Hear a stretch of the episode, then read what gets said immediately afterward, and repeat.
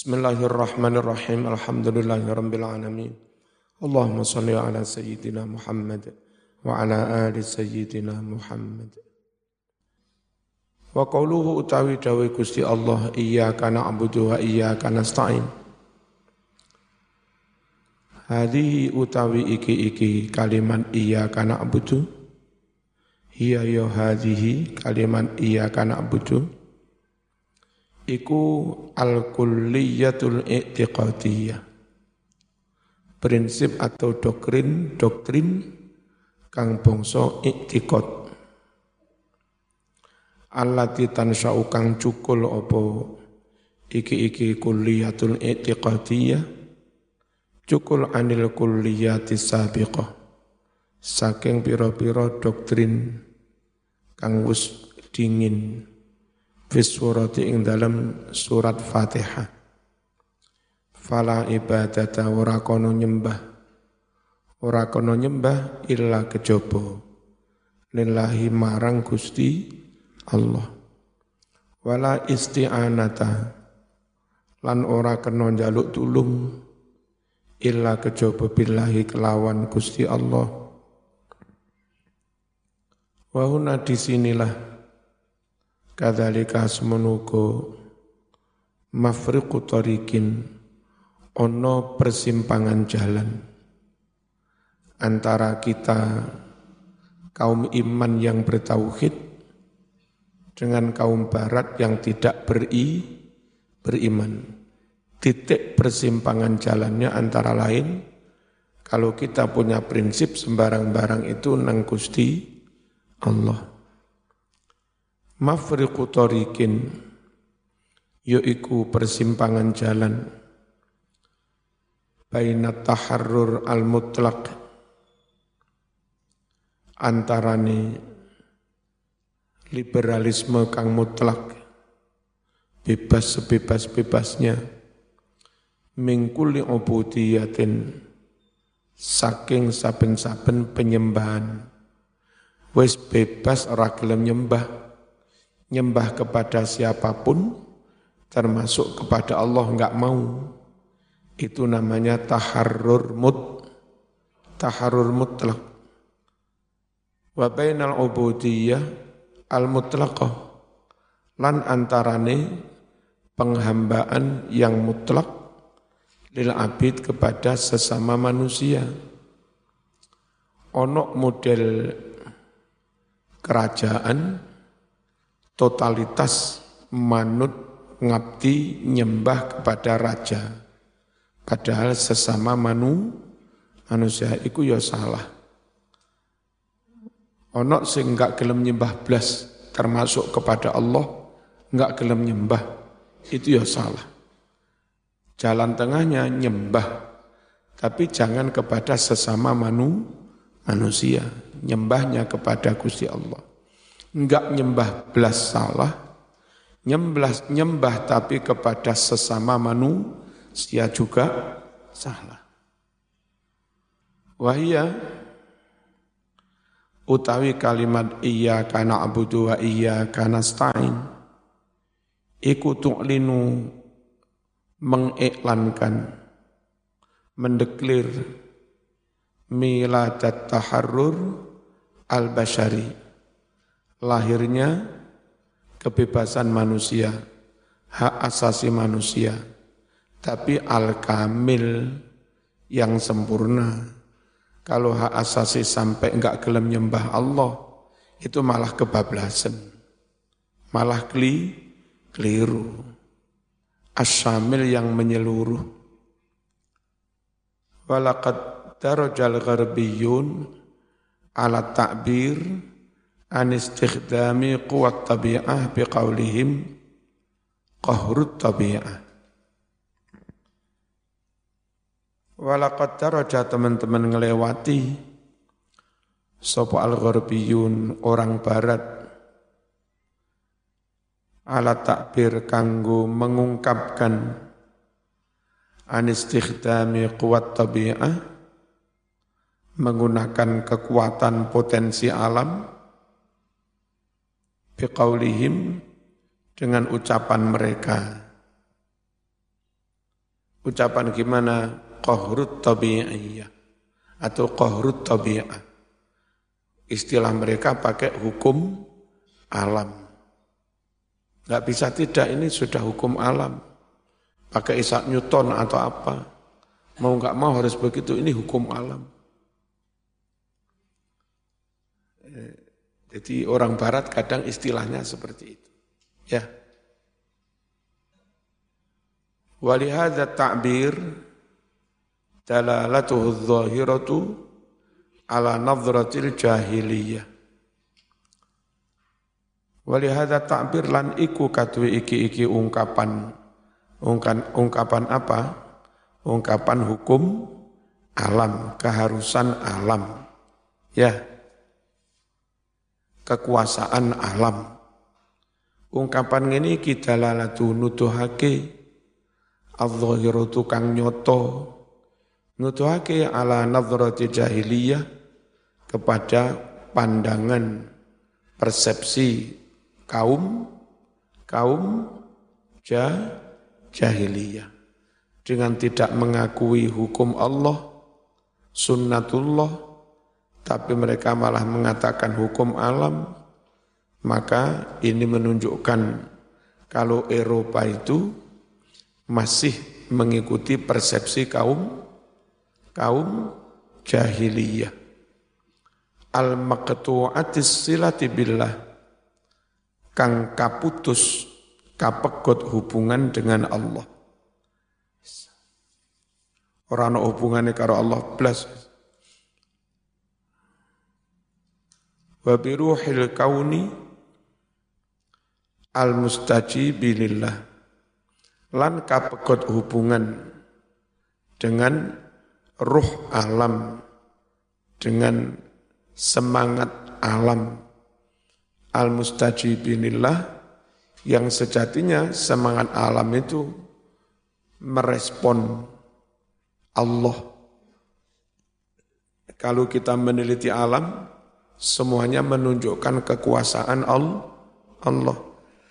Lah teori model barat dengan istilah qahrut tabi'ah, hukum alam itu enggak ada hubungannya karo Allah, juga enggak ada hubungannya dengan semangat merespon perintah Allah.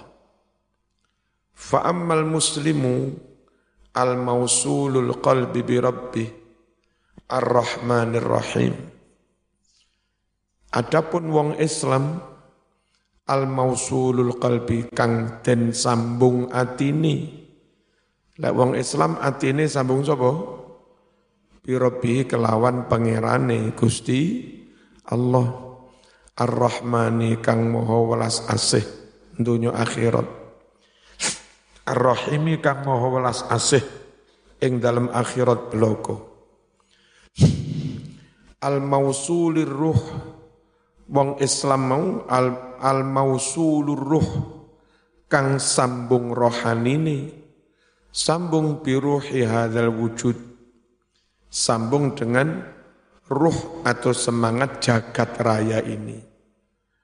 Al-musabbihati lillah yang semuanya menurut Quran bertasbih kepada Allah. Kalau menurut Quran gunung-gunung, laut-laut, tanaman-tanaman, binatang semuanya bertasbih kepada Allah. Memenuhi panggilan Allah, merespon perintah Allah. Lawang mukmin itu hatinya sambung dengan Allah, juga sambung dengan semangat penciptaan jagat, yang itu dalam rangka menunjukkan kekuasaan Allah. Al-musabbihati lillahi rabbil alamin. Fayu'minu bi annahu la hunaka alaqatan ukhra. Fayu'minu mongko mengimani sapa muslim. Mengimani bi annahunaka bahwa sesungguhnya ada di sana ala kotan ukhro ada hubungan lain. Ghaira ala qatil qahri selain sekedar hubungan hukum alam wal jafwati dan jafwah lepas dari Allah innahu ya'taqidu bi annallaha huwa mubti'u hadil quwa. Sungguh seorang muslim mengiktikoti bahwasanya Allah lah zat yang menciptakan kekuatan alam. Jangan mengatakan ini kita nggak bisa mas, ini hukum alam, ini kekuatan alam aja ngono. Lek wong mukmin meyakini Allah yang menciptakan kekuatan alam. Jami'an semuanya. Khalaqaha kullaha. Allah ciptakan kekuatan-kekuatan alam itu kullaha semuanya. Wifqa namusin wahid sesuai dengan satu aturan. Jadi yang orang barat menyebutnya hukum alam. Kalau kita menyebutnya sun sunnatullah. Wasakharaha lil insani ibtidaan. Dan Allah taklukkan, Allah tundukkan kekuatan-kekuatan alam itu lil insani kepada manusia. Semua diciptakan diurut-urut untuk manusia. Teletong sapi, teletong sapi ujung-ujungnya untuk manusia. Teletong sapi masukkan sapi tank, lalu oktannya menjadi gas, kayak masak jadi LPG untuk manu manusia. Sisa kotorannya dia kayak pupuk kompos, Ya, tandurane lemu-lemu sing mangan yo manusia mana. Semua diciptakan untuk manusia. Supaya setelah manusia difasilitasi itu semua, gelem menyembah kepada sang pencipta alam. Itu loh. Beda banget wawasan persepsi Islam dengan Barat. Barat malah mirip-mirip kepada jahi, jahiliyah, tapi mereka nggak mau disebut jahiliyah. Maunya mereka kami lebih modern. Tapi jahiliyah. Wayassaro dan Allah mudahkan. Allah mudahkan lahu bagi manusia kasfa asrariha mengungkap rahasia-rahasia kekuatan alam. Dan ke depan mulai ada tanda-tanda ditemukan setelah bertahun-tahun kita mengetahui dan meyakini unsur air itu terdiri dari dua H2O. Ya, H, H2O. Itu kalau bisa dipisah, tinggal hidrogennya tok terpisah dari ok, oksigen jadi bahan bakar sudah. Nah kalau nanti bisa diciptakan alat campuran kimiawi, kimiawi apa yang bisa memisah antara oksigen dan hidro, hidrogen. Tinggal mencampuri cairan kimia itu, dua unsur itu memisah. Yang ini jadi bahan bakar. Kalau bisa diproduksi massal, dah eh, di sistem mesin, mobil diiseni apa air dicampuri cairan kimia untuk supaya memi, memisah siji dari bahan bakar, siji dari air radiator pendingin. Selesai sudah. Gak repot tuku bensin. Semuanya untuk manu, manusia. Andai itu ditemukan luar biasa ya. Samene sing meneliti golek no alat. Itu apa? Yassarolahu kasfa Yassarolahu kasfa asrariha. Yassaro dan Allah mudahkan lahu bagi insan kasfa asrariha mengungkap rahasia-rahasia hukum atau kekuatan a, alam. Wa ma'rifata qawaniniha dan dimudahkan mengetahui hukum-hukum alam.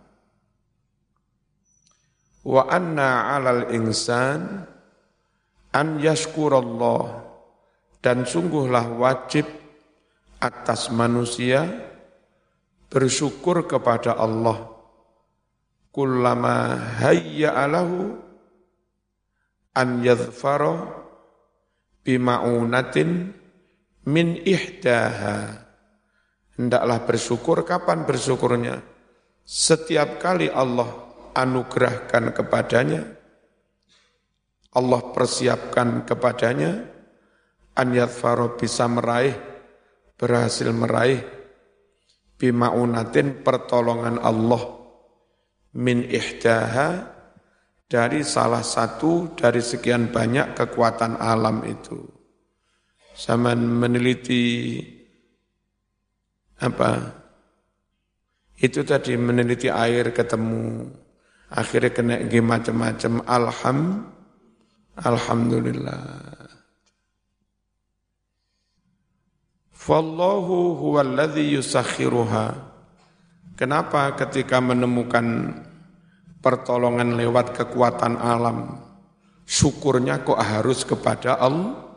Syukurnya kok harus kepada Allah karena Allah lah yang menundukkan kekuatan-kekuatan alam tadi. Walaisa huwallazi yaqharuha.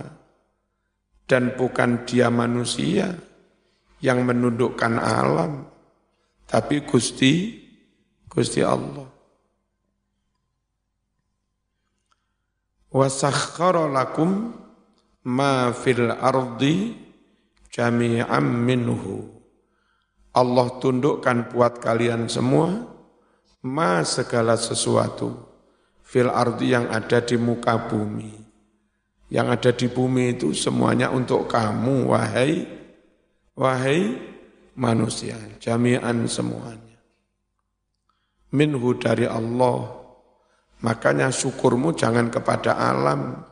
Syukurmu kepada Allah. Nah kiai-kiai pinter melihat di masyarakat awam ada sedekah bumi. Kiai enggak malah menentang. Dibimbinglah mereka. Sedekahnya tetap namanya sedekah bumi tapi jangan kau niatkan sedekah itu kepada danyang-danyang. Niatkan itu untuk Gusti Allah. Wa ba'da taqriri tilkal kulliyat al-asasiyah fit tasawwur al-islami yabda fit tatbiq al-amali. Setelah menetapkan doktrin-doktrin, prinsip-prinsip pokok dalam at-tasawwur al-islami, dalam persepsi Islam. Tauhid iku ngene, Allah iku ngene, akhirat iku ngene, nyembahin jaluke mek kurnang Gusti Allah. Setelah prinsip-prinsip doktrin itu selesai, yabda Allah mulai fit tatbiq al-amali Allah memulai sesuatu yang sifatnya tatbik, terapan, al-amali yang praktis. Mana yang sifatnya terapan? Ihtinas sirotol, ihtinas sirotol mustaqim. Jadi setelah punya prinsip tauhid, lalu minta ditunjukkan bimbingan atau guidance ya, uh, guidance hidup Hidup itu seharusnya bagaimana? Ngene lho. Niru para nabi. Ojo niru wong sesat-sesat iki. Ihdinas siratal mustaqim. Siratal ladzina an'amta alaihim ghairil eh, petunjuk hidup praktis, guidance praktis at-tadbik al-amali. Ini sudah masuk pada tataran tadbik apa terapan ya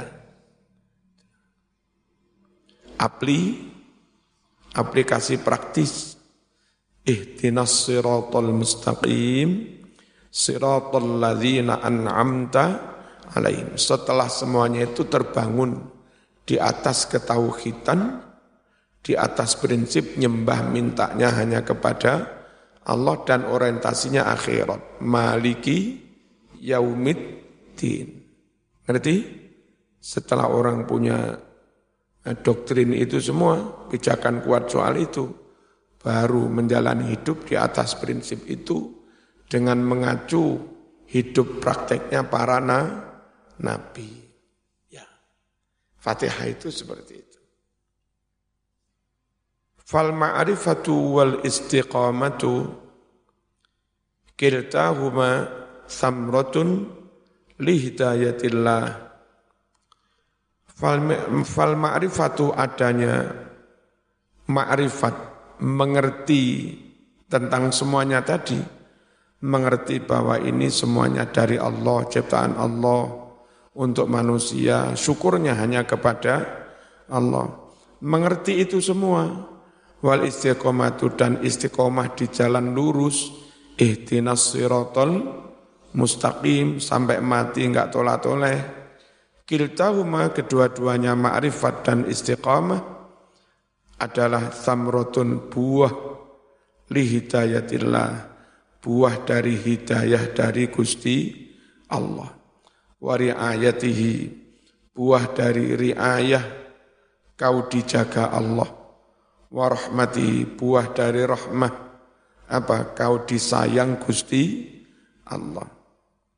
Andai Allah enggak memberi hidayah, enggak menjaga, enggak memberikan kasih, sayang kamu nggak punya makrifat dan istiqomah di jalan yang lu lurus. Kapan saya kemarin baca ini di YouTube ada anak Saudi murtad keluar dari Islam. Terus menjadi liberal, sekarang eh, apa, berlindung di Kanada sana itu dia nggak dapat hidayah. Hari-hari hidup dekat Masjidil Haram, hari-hari hidup dekat Masjid Naba, Nabawi dekat makam Nabi. Toh karena nggak mendapat hi, hidayah, lepas juga. Menjadi Allah diniyah, menjadi enggak beragama, ate, ateis.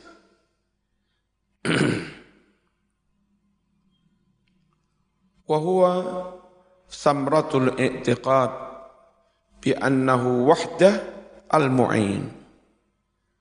Dan makrifat maupun istiqomah itu buah dari suatu i'tiqad. buah dari suatu keyakinan bahwa hanya Allah sajalah yang bisa memberi perto, perto, pertolongan. Wahadal amru a'dhamu ma yatlubul mu'min mir rabbih. Masalah ini masalah minta terus lurus di atas jalan yang lurus. Ihtinas siratal mustaqim. Masalah ini Mas, a'dhamu ma segede-gede barang yatlubu yang memintanya al mukminu seorang mukmin mirabi dari Allah Tuhannya. Orang mukmin itu permintaannya rezeki minta sih, bojo ayu yo minta, pangkat yo minta, tapi permintaan yang paling berharga minta supaya mulai urip sampai mati tetap di atas sirotol mustaqim. Itu a'zamu ma yatlubuhul mu'min min. Fal hidayatu fitratul insan ila namusillah. Hidayah itu apa? Ini mas, garis bawah. Kok sulit menerjemah hidayah? Hidayah itu fitrah yang diciptakan Allah dalam diri manusia ke arah namusillah, ke arah ketentuan atau hukum Allah moro-moro menungso atimu lo pikiranmu tanpa dipeksa. Kepingin mengikuti aturannya Gusti Allah. Lah itu lo hidayah. Wong ngaji tafsir ngaji fikih ngaji hadis usul fikih ngerti hukum Allah. Tapi enggak mendapat hidayah. Yang enggak ada keinginan untuk manut kepada hukum Allah itu. Berarti enggak dapat hi hidayah. Hidayah itu apa? Fitrah yang Allah ciptakan pada dirimu Dengan fitrah itu lalu kamu ingin mengikuti aturan Allah. Itu hi, hidayah. Paham ya? Wong pinter fikih belum tentu dapat hidayah. Alladhi yunassiqu baina harakatil insan wa harakatil wujud. Yang mana ketentuan Allah namusullah, ketentuan Allah Ketentuan Allah itulah yang yunasik, menselaraskan, mengharmoniskan antara gerakan manusia dan gerakan jagat raya ini. Jagat raya dibuat begini, biar nyaman untuk manusia, manusia diberi akal hati nurani, biar semuanya menuju kepada kebesaran Allah, Allah selaras tansik. Ya. Namusullah itulah yang menselaraskan antara gerak manusia dan gerak jagat raya. Kulihi semu semuanya. Gerak menuju apa? Fil ittijah ilallah. Dalam hal menuju. Visi misinya itu ke mana nang Gusti Allah inna lillahi wa inna ilaihi raji'un. Nah repotnya wong gak iman niku alam diciptakan untuk dia, untuk manusia. Lah dia hidup untuk alam. Embaulet Hidup untuk mengabdi alam, padahal alam diciptakan untuk manusia. Lah terus iki piye bulet Eh, kalau kita alam untuk manusia, manusia untuk Gusti Allah. Kama khalaqtul jinna wal insa illa liya'budu. Apa? Menserasikan gerak manusia dengan gerak jagat raya menuju Gusti Allah Rabbil Rabbil alamin. Wa yakshifu an tabi'ati hadzal sirat dan Allah mengungkap tentang karakter atau watak sirotol mustaqim itu. Jalannya siapa sih sirotol mustaqim itu? Itu loh jalannya para nabi. Dan halo, zaman itu jadi wong NU. Wong NU itu tidak harus ikut Rasulullah.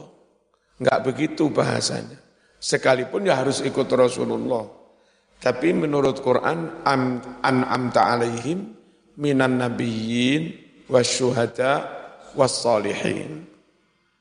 Sahabat ikut Rasul langsung, tapi in ikut sah, sahabat. Nah kita-kita ini ikut syuhada solihin, ikut orang-orang di atas kita. Orang-orang di atas kita ikut atasnya lagi. Ikut Rasulullah. Semuanya itu ikut Rasulullah. Tapi gak iso langsung. Ya. Biasanya orang-orang yang anti NU kembali ke Quran Sunnah.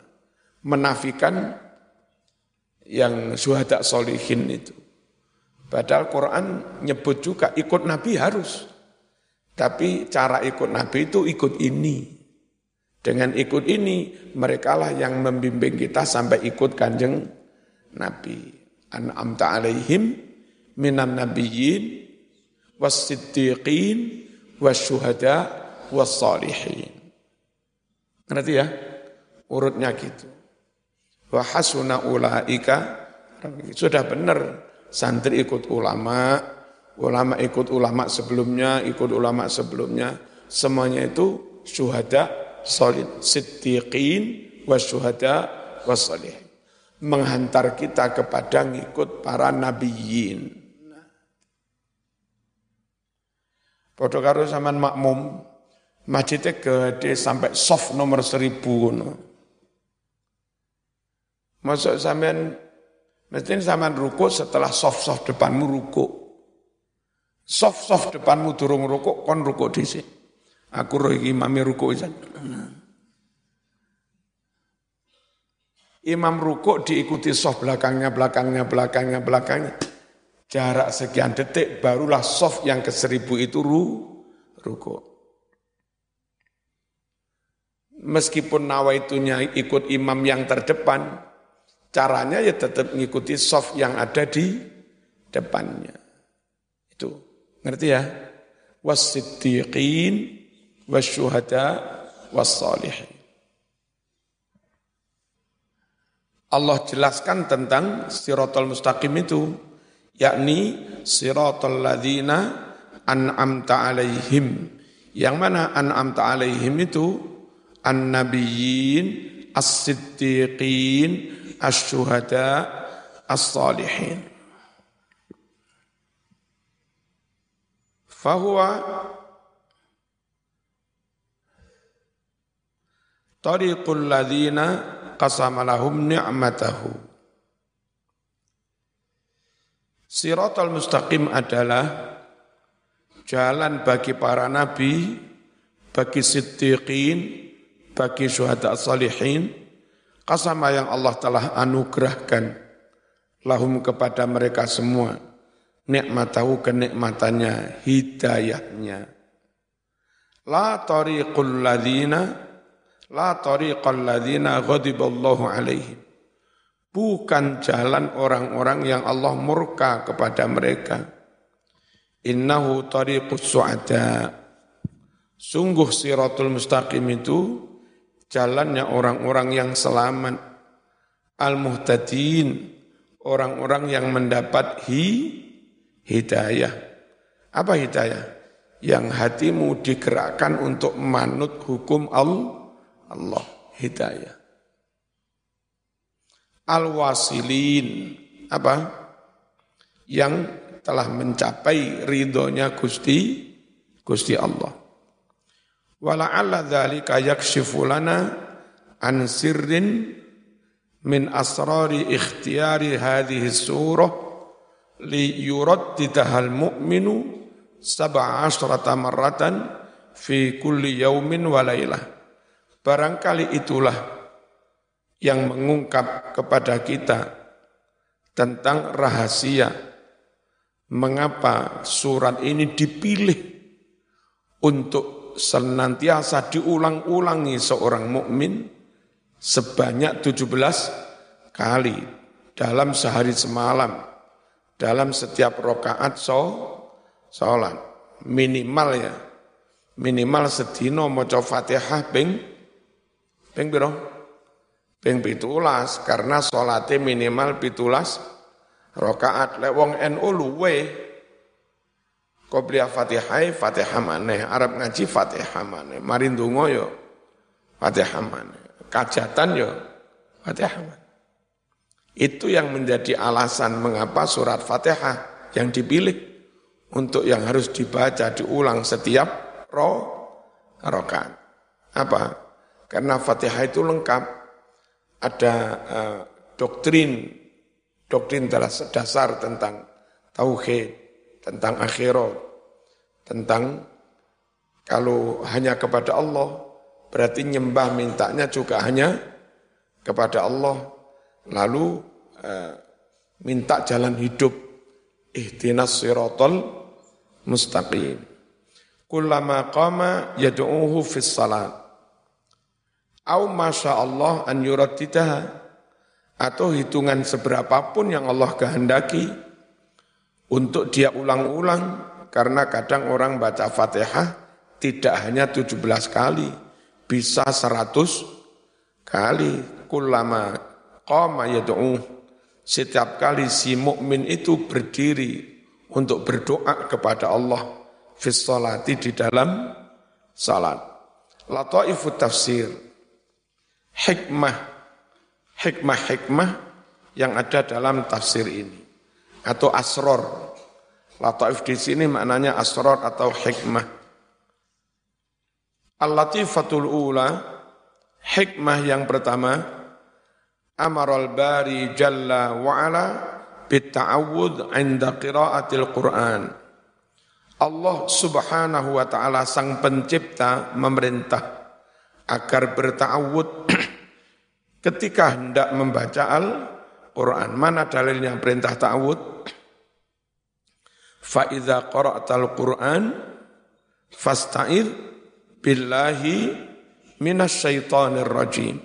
Jika kamu hendak membaca Al-Quran, hai Muhammad, maka bertawudlah kepada Allah. Apa bertawud? Minta dijaga, minta dilindungi dari godaan setan yang terkutuk. Kenapa diperintah ta'awud? Qala Ja'far as-Sadiq, dawuh Imam Ja'far Sadiq, ini orang hebat, orang Syiah menganggapnya itu imam mereka, Imam Ja'far Sadiq. Tapi kita ahlu sunnah jamaah juga apa menjadikan beliau jadi imam kita, tokoh kita, ulama kita. Kayak neng tibaan itu, ya. Uh, nantasibu nasabam ma fihi min takhoni kam imam min ba'da khulafu minhu sadatun bida'urifu mislu Zainil Abidin Ali itu yang anaknya Husain wabnihil Bakiri dan anaknya namanya Imam Bakir wabnihil Bakiri khairi wal Imam Sadiqil Hafili dan Imam Ja'far so Sadiq yang banyak ilmunya. Anaknya Imam ba Bakir Imam Ja'far Sotik punya ayah Imam Bakir, punya ayah Imam Ali Zainul Abidin, punya ayah Imam Hussein. Itu orang Syiah menokohkan mereka, termasuk Imam Istana Asyar, Imam jumlahnya ada 12, 12 kita juga. Kecuali mungkin golongan ini khawarid wahabi yang yang nggak mau. Itu urusan mereka ya. Imam Ja'far Sadiq dawuh, Innahu la buddha qabla al-qira'ah minat ta'awud. Sungguh wajiblah, tidak bisa tidak berta'awud sebelum baca Al-Quran. Wa amma sa'iru ta'at, fa innahu la yata'awwadhu fiha. Sedangkan ibadah-ibadah yang lain, tidak perlu orang bertawud di dalam ibadah-ibadah yang lain. Wal hikmatu fi la. Makanya latifah saya manai hikmah. Ya kan? Asror atau hik, hikmah menjawab tentang wai. Mengapa kok demikian? Nah, itu. itu mengobati rasa penasa, penasaran wai. Dan orang mukmin itu mesti penasaran. Ini kok ini kok ini di balik itu ada apa? Kalau sudah mati rasa nggak penasaran, nggak ada ingin tahu, maka ya nggak pantas dia menyebut dirinya mukmin. Nabi itu bersabda begini, lan yasba'al mukmin orang mukmin tidak akan pu puas min ilmin dari terus menuntut ilmu hatta yang yakuna muntahahu al jannah sebelum berakhir dengan masuk surga. Orang mukmin begitu. Kak mandek ngaji, kak mandek berpikir, kak mandek mencari hik, hikmah. Yang semuanya itu untuk memperkuat keyakinannya pada Allah. Menemukan hikmah baru, subhanallah. Menemukan hikmah baru lagi, subhanallah. Subhanaka faqina. Dan mengumpat, ngerasani, wan namimati fitnah. Hoak adu. Adu. Domba. Anehnya ada orang dianggap tokoh menghimbau ayo kita fitnah. Kita sebarkan fitnah dan itu diikuti menfitnah menjadi ibadah aneh Orang itu kadang lesannya najis, berbohong, rasani, menfit, it, menfitnah. Fa'amarallahu al-abda bita'awud. Makanya Allah perintahkan hamba agar membaca ta'awu, ta'awu, ta'awud, liyasira lisanuhu tahiran. Sehingga lesannya menjadi suci. Kalau lesannya sudah suci, layaklah dengan lesan yang suci itu membaca kalam yang suci, yang kalam suci itu turun dari Allah yang maha suci. Ya, yang suci dengan hati yang suci, yang suci, kau layak membaca kalam yang suci turun dari Allah zat yang maha suci pas fa'amara eh, fayaqra'u bilisanin tahir sehingga dengan begitu si mukmin dengan lesan yang suci membaca kalaman membaca kalam membaca wahyu unzila min rabbin tayyibin tahir. Yang mana kalam itu diturunkan dari Allah yang maha baik dan yang maha su, suci. Al-latifatu al-masyhuru 'inda ahli lughah lughah annal basmalata hiya qaulul qail bismillahirrahmanirrahim. Pendapat yang masyhur menurut ahli bahasa bahwa istilah basmalah itu adalah ucapan seorang mengucap bismillah itu namanya apa? Bas basmalah. Wa qad ishtahara hadza fi syi'ri wan nasri wan nasri. Dan begini ini sudah terkenal, sudah populer baik dalam syair maupun prosa bahwa dari dulu orang Arab itu mengatakan kalau basmalah itu yang baca baca bismillah. Qala syair mengucaplah seorang penyair. Laqad bas malat laila ghadatan laqituha faya habbadha dzakal habibul mubasmilu ayo Laqad bas malat layla ghadatan laqituha faya habbadha dzakal habibul mubilu mana laqad bas astat layla ghadatan laqituha faya habbadha dzakal habibul mubasmilu faya habbadha bada fayahu laqad bas malat laila ghadatan laqituha fayaham bada dzakal habibul mubasmilu Bismillahirrahmanirrahim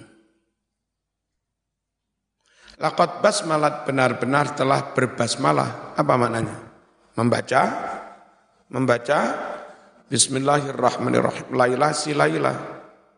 Kapan dia membaca basmalah? Laki itu pada pagi hari aku menemui dia.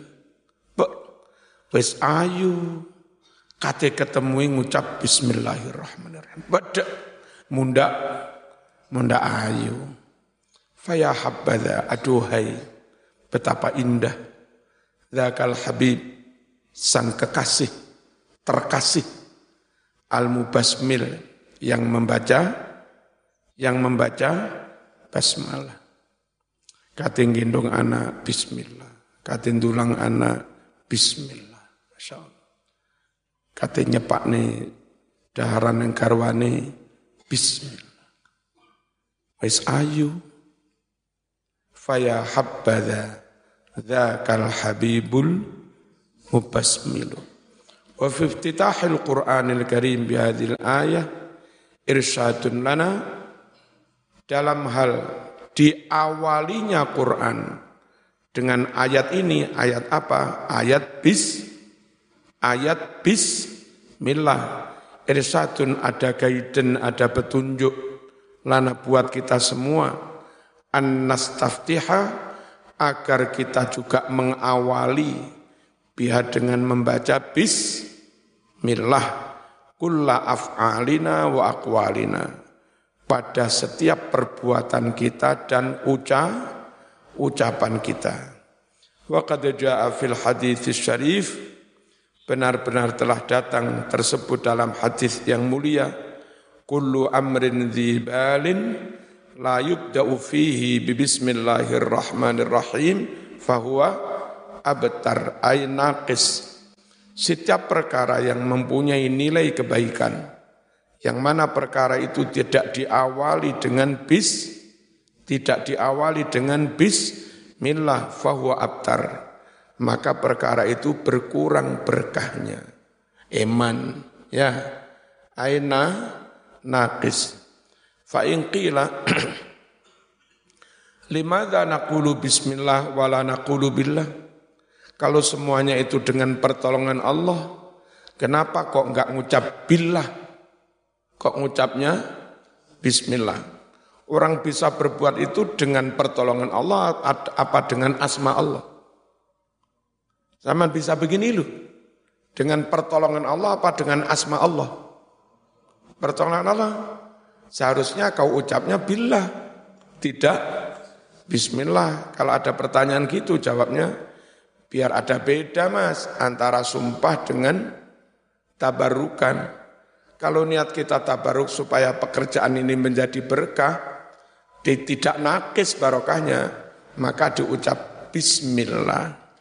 Kalau bersumpah bukan bismillah tapi billah. Nah, biar ada bedanya, ya. Fal jawabu kama qala al-allamah Abu Sa'ud. Jawabnya seperti yang dikatakan oleh orang yang banget alimnya, namanya Abu Sa'ud. Huwa adalah at-tafriq different untuk membe membe membedakan bainal yamin wa tayammun untuk membedakan antara sumpah dan ngalap barokah. Yamin itu sumpah, kalau tayamun ngalap barokah.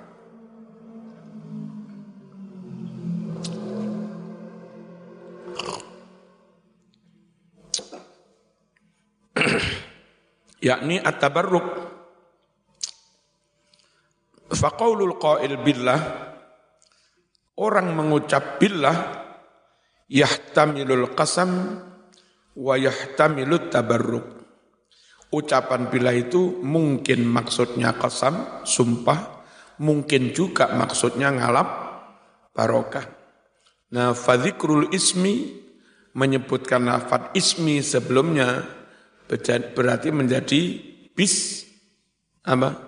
Bukan billah tapi bismillah menambahkan lafad ismi yadullu ala iradati tabarruk. Itu menunjukkan maksud ngalap barokah. Wal isti'anah bizikri dan mohon pertolongan Allah dengan menyebut namanya. Wa yaqta ihtimala iradatil qasam dan memutus adanya kemungkinan maksud bersum bersum bersumpah. Al-latifatu thalithah hikmah yang ketiga ya ba'dul ulama al-Fatihah.